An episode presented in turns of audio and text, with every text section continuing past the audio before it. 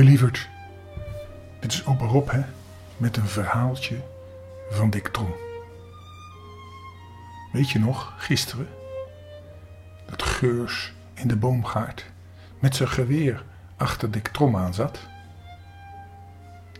De vrienden van Dick Trom en Dick Trom zelf waren appeltjes aan het pikken. En Geurts heeft ze betrapt. Nou, ik ben benieuwd hoe het verder gaat. Laat maar gauw beginnen.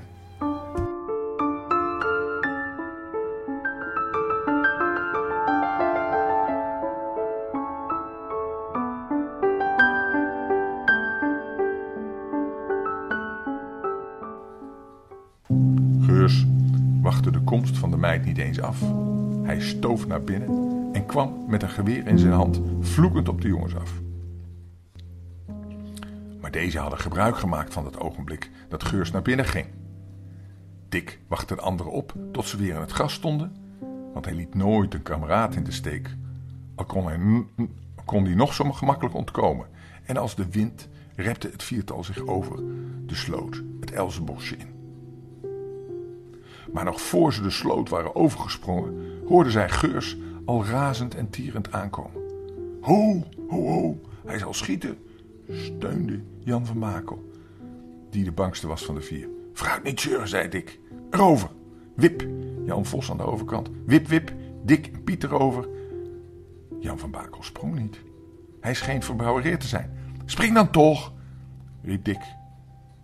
Daar sprong hij. Maar in zijn angst keek hij eerst nog even om of Geurs al dicht achter hem was. En dat werd zijn ongeluk. Hij nam de sprong te kort en kwam midden in de sloot terecht.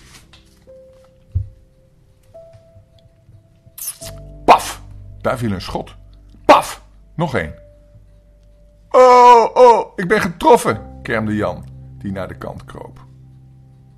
Geef me een hand, dan zal ik je eruit trekken, riep Dick die hem zelfs niet voor een gouden tientje aan zijn lot zou zijn hebben overgelaten. Hier gauw. Wacht, jullie schelmen, schreeuwde Geurs aan de andere kant van de sloot. Daar heb ik jullie eindelijk. Maar zover was het nog niet.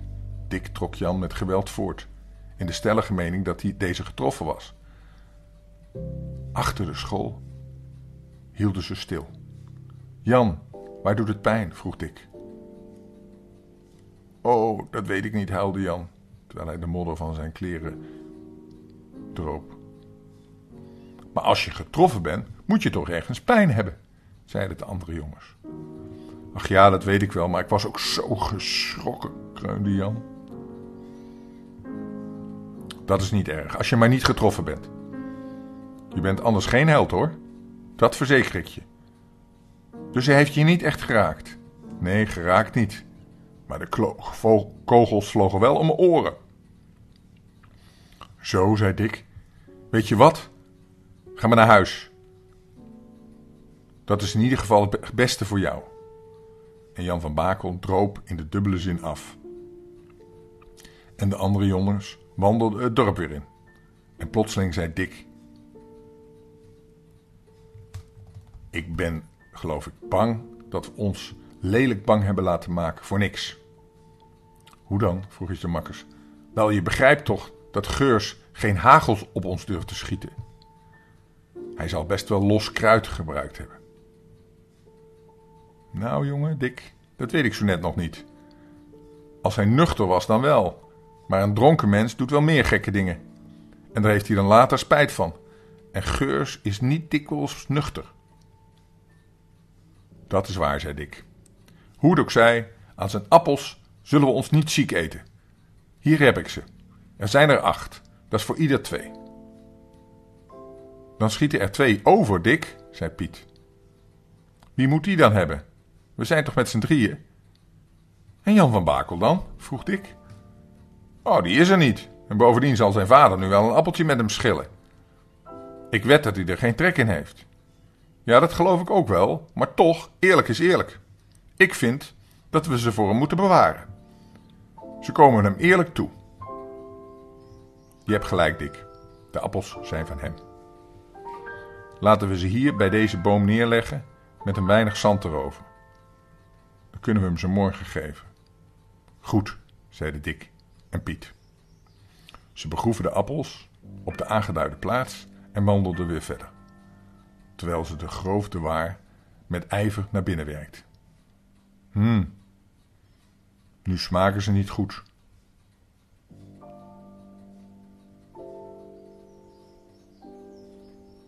Of wel? Nou, mij smaken ze prima, zei Dick, op een toon van iemand die er trots op is.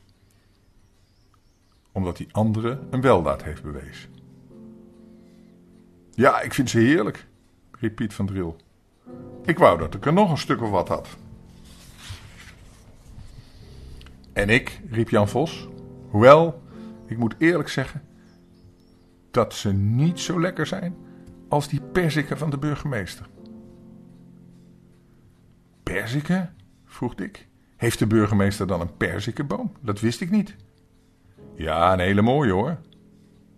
Ik geloof dat er wel meer dan 200 aan zitten, zei Jan. Hoe weet je dat? Nou, wel toen we laatst de veldwachter zo geplaagd hebben, ben ik bij de burgemeester nog even in zijn tuin gaan kijken. En toen heb ik dat gemerkt. Jongen, jongen, wat waren ze lekker.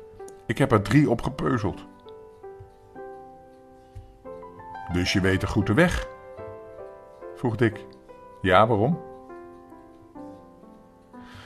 Wel, dan moesten Piet en ik, dunkt me, er ook eens van gaan proeven.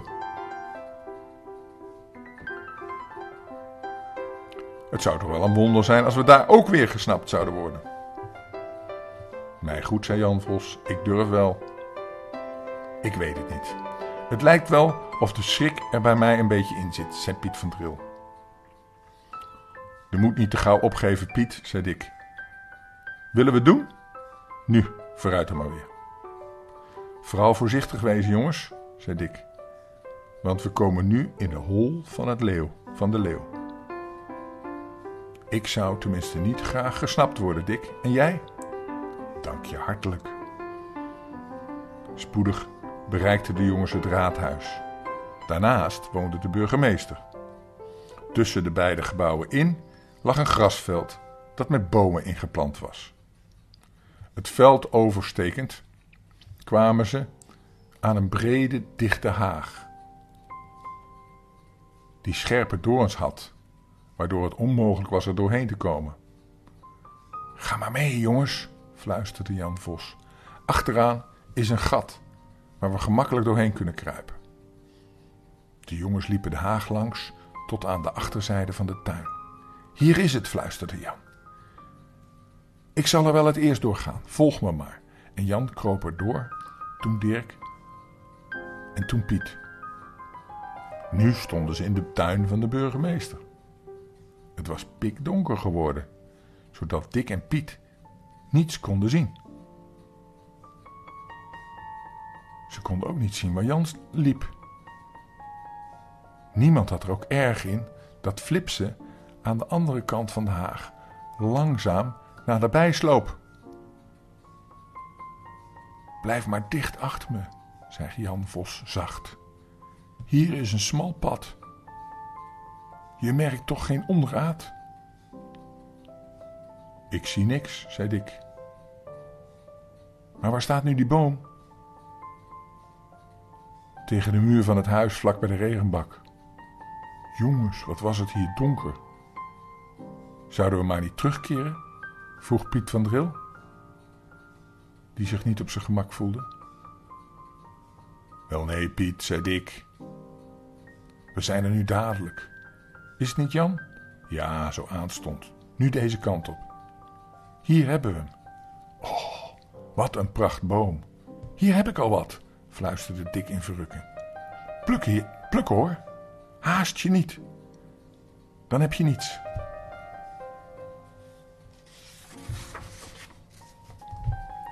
Nu, de drie jongens deden hun best.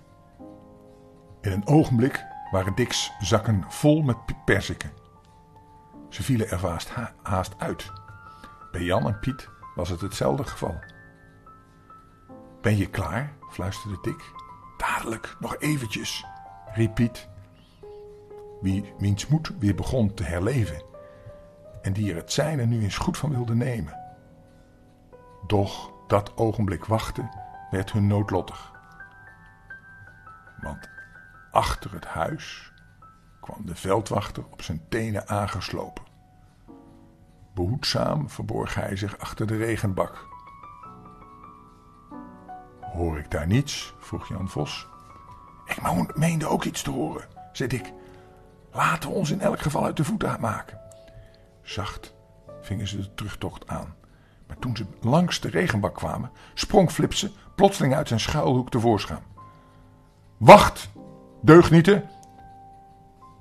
Nu heb ik. Plof, daar viel hij, zolang hij ze was, voorover op de grond. Zijn voet was in de ketting van het akertje verward geraakt. Auw, riep hij, verwenste jongens. Hij krabbelde overeind en snelde de knapen na, die al bijna bij het gat in de haag waren. Jan Vos en Piet van Dril, die vlugger konden lopen dan hun makker, kropen er als eerste door, waarvan het gevolg was dat Dick een ogenblik moest wachten en zich door de veldwachter in de kraag voelde gegrepen. Ha, ik heb er een. Wie ben jij? Wacht, ik zie het al. Dat is precies de goeie. nu is mijn beurt, manneke. Maar voor Flipse er erg in had, rukte Dick zich onverwacht los en zette het op een loop. De veldwachter ging achter hem aan. Dick liep de tuin door, het huis om en de weg op, in de richting van zijn ouderlijk huis. Maar ongelukkig genoeg kon hij niet snel genoeg lopen. En weldra hoorde hij Flip, Flipse achter zich. Meer en meer won deze aan, aan lengte. En eindelijk werd Dick voor de tweede maal gegrepen. Nu ga je me niet meer ontsnappen, baasje. Kom, allee, mee naar het raadhuis. Vooruit. Daar mag je je appels stelen zoveel je maar wil en op de ruiten tikken ook. Sla ze maar niet stuk. Ha ha ha ha.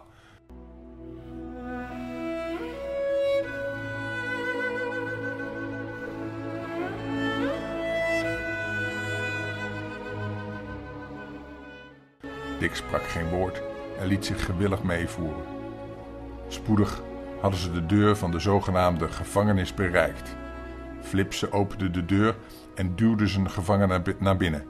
Flap, de deur sloeg dicht en Dick was alleen.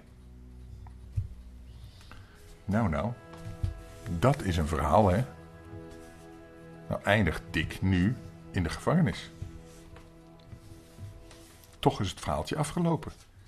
Dus we moeten toch maar gaan slapen. Maar de volgende keer horen we wel hoe het verder gaat kan toch niet zijn dat Dick heel lang in de gevangenis moet zijn. Alleen maar omdat hij een paar appels en perziken gestolen had. Maar ja, het is wel kattenkwaad. En de veldwachter heeft hem gesnapt. Dus ja, nou krijgt hij wel straf. Nou, we krijgen allemaal wel een straf, hè? Als we iets stouts gedaan hebben. Heb jij ook wel eens iets stouts gedaan? Ach, dat vergeven we allemaal weer, maar wel weer. Hè? Ga nu maar lekker slapen. Wel trusten. Lekker slapen, hè? Ik hou van je. Tot morgen.